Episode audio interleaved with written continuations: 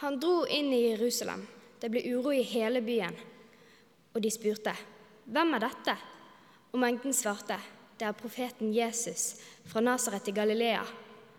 Så gikk Jesus inn på tempelplassen og jaget ut alle dem som sto og solgte og kjøpte der. Han veltet pengevekslernes bord og duehandlernes benker og sa til dem.: Det står skrevet, i mitt hus skal kalles et bønnshus, men dere gjør det til en røverhule. På tempelplassen kom det noen blinde og lamme til ham. Han helbredet dem, men da overprestene og de skriftlærde så undrene han gjorde, og hørte barna som ropte i helligdommen, Hosianna, Davids sønn, ble de aldri forarget og spurte ham, hører de hva de sier? Ja, svarte Jesus. Har dere aldri blitt lest? Fra småbarns til spedbarns munn har du hatt lovsang lyde. Så forlot han dem og gikk ut av byen, til Betania. Der ble han natten over. Slik lyder det hellige evangelium.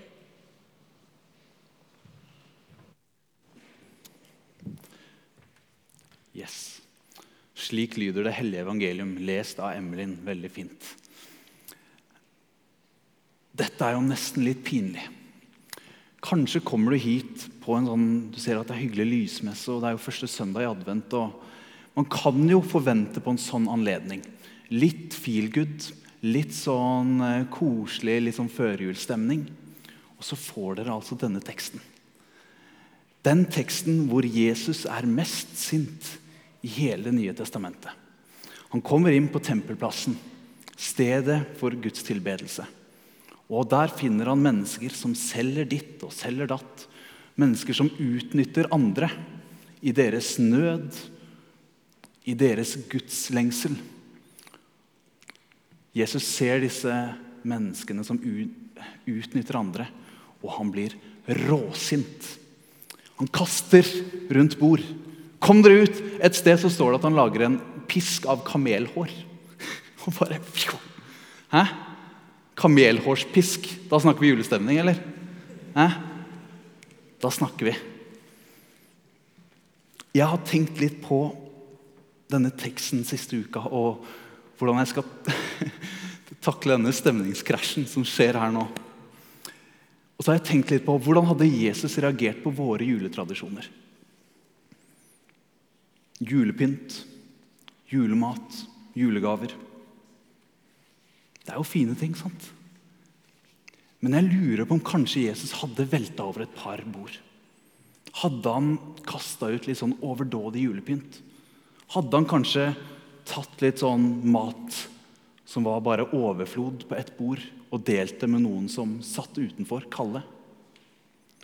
Kanskje hadde Jesus til og med delt disse tingene med de blant oss i vårt fellesskap som vi nå har lest om, kunnet lese om i aviser de siste ukene, som trenger litt julehjelp og ser etter det på finn.no. Kanskje Jesus hadde, vært en sånn, eh, hadde han blitt stor på finn.no, sånn julehjelp? Det er ikke umulig. Jeg tror kanskje vi trenger dette møtet med strenge Jesus. Kanskje spesielt nå i starten av advent, hvor vi gjør oss klare for hva jul er. Og kanskje spesielt nå etter en Black Friday, hvor vi bruker mer penger enn noensinne. Eller en Black Week, til og med. Kaste ut julepynt og kaste rundt bord med julemat. Kanskje det er litt voldsomt. Men trenger vi ikke litt av og til å våkne? Skvette litt? For den julepynten, den maten, de gavene, hva er det som egentlig er poenget? Jo, jeg tror de fleste av oss vil være enige om at poenget med god julemat er jo å samle en gjeng som man er glad i, og så dele den maten med de. Og greia er at Man kan ha det hyggelig med mat uansett hvor mange sorter man rekker å bake. Er dere enig? Og greiene med gaver det er jo, gaver er jo en genial greie. Du får en mulighet til å gi noe og tydelig vise at du setter pris på dem. Men for min egen del så merker jeg at julegaver nå når vi går inn i desember. Jeg har ikke kjøpt en eneste en. Og for meg det er en to do-liste. Jeg, liksom, jeg, har fire gaver jeg vet jeg må kjøpe, og det stresser meg allerede. Og de der gavene jeg vet jeg får handler det kanskje mest om å mate min egen eiesyke. Jeg lurer på det. Mat, pynt, gaver. Virkemidler til å bygge gode fellesskap. Men på et eller annet tidspunkt så er det i hvert fall for min egen del litt som om jeg har begynt å tilbe virkemidlene og glemt hva som egentlig var målet. Litt sånn som vi leser om i Gamle testamentet, hvor israelsfolket begynner å tilbe en gullkalv. Da trenger vi en som vekker oss, en som kaster rundt litt bord, en som faktisk sier at 'Hei, det var ikke derfor'. Det er ikke dette det egentlig handler om. En som evner å rydde litt, sånn at det faktisk blir rom for den kjærligheten som jula forteller om. For livet handler om mer enn å eie og nyte. Var det ikke litt kul start på gudstjenesten i dag? Helt mørkt. Og så hører vi det lest fra Johannes evangeliet, kapittel 1. I begynnelsen var Ordet. Så leser vi om det sanne lys som kommer nå til verden. Og så helt til slutt så kan, hører vi kvalitetene ved dette lyset. Dette lyset det er fullt av nåde og sannhet. Sannhet. Det er kanskje en av de tingene som jeg virkelig fascineres av med Jesus. Jeg opplever at Jesus han snakker sant om det som er mitt liv. Ved, å reagere med sinne på tempelplassen så setter han lys på det egentlig vi alle sammen vet, men som vi ofte lukker øynene for. Det finnes urettferdighet i vår verden. Og menneskers griskhet, vårt ønske om å eie, om å liksom ha litt mer til meg, det er med på å skape den urettferdigheten. Og det, det preger hvordan vi møter klimaendringer. Det preger hvordan vi snakker om flyktninger. Det preger hver eneste gang vi møter en situasjon hvor et menneske blir tråkka på. Hver gang vi møter et menneske som blir tråkka på, så preger denne synden i oss det. Svaret er ofte ja, ja, vi kan gjøre noe, men vi må bare sørge for at vi har nok først. Ikke sant? Ja, ja, vi, vi skal bidra. Vi må, bare, vi må, ha en tredje dose sant? før noen andre får sin første. Det er lov å bli sint i møte med urettferdighet. Og det blir Jesus i dagens tekst. Han viser oss den ubehagelige, harde sannheten. At vi har makten til å gjøre denne verden bedre. Vi har muligheten til å lyse opp. Gjøre denne verden litt lysere. Og ganske ofte så velger vi å ikke gjøre det. Vi leser at Jesus, Jesus han protesterer høylytt mot urettferdigheten. Og så rett etterpå så gjør han noe helt annet. Kaster rundt bordet der, og så går han og bøyer seg ned og helbreder de syke og svake. I det ene øyeblikket så kommer han med knallharde sannheter. Og i neste, møte, neste øyeblikk så møter han mennesker med nåde og kjærlighet det er et levende budskap om en Gud som bryr seg om hvert menneske. Hvert menneske som har det vondt. Ja, Gud bryr seg om menneskers lengsel etter rettferdighet. Og Julefortellingen er at Gud han bryr seg faktisk så mye at han ser det som er vårt mørke, og så trår han inn i det. Vi har en tendens til å ønske oss denne hygge og kosen. Vi har, og vi har også en tendens til å nusseliggjøre jula litt. Ikke sant? Se, der sitter de, vet du. Hæ? Koselig, altså. Der ligger barnet i krybba, og moren drev og stelte den, og faren sto og lo. Og... Hæ? Det er god stemning. Men dette er ikke egentlig noe særlig koselig. Maria føder blant masse dyr uten noe legehjelp eller noe som helst. For de hadde ikke midler til å komme seg inn på noen av de fancy plassene. Det var fullt. Og Like etter fødselen så må denne familien de må flykte. For de blir jakta på. De er forfulgt. De blir flyktninger. Juleevangeliet, dette som vi tenker er sånn åh, koselig Det er i utgangspunktet en historie om menneskers nød. Om dypt mørke. Og en Gud som ser at 'dette skal jeg gå inn i'.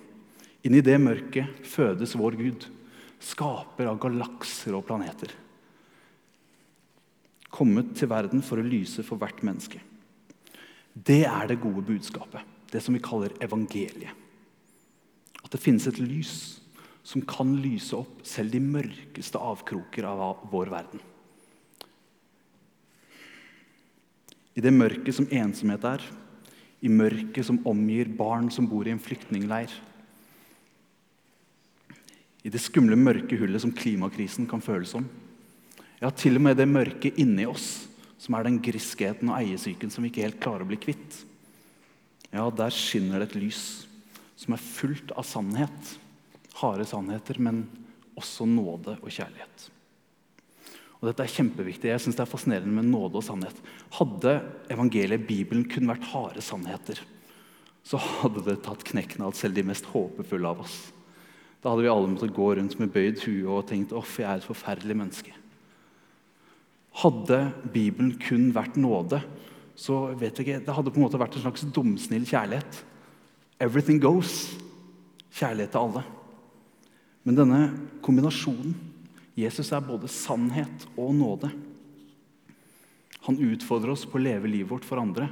Og så samtidig så sier han at uansett så går jeg der med deg. Jeg elsker deg like fullt. Jeg syns lysmesse er fint. For det hjelper oss å sette fokus på det som er greia med jul. Og det setter, egentlig, egentlig greia med enhver gudstjeneste som vi har. For det handler om dette enkle.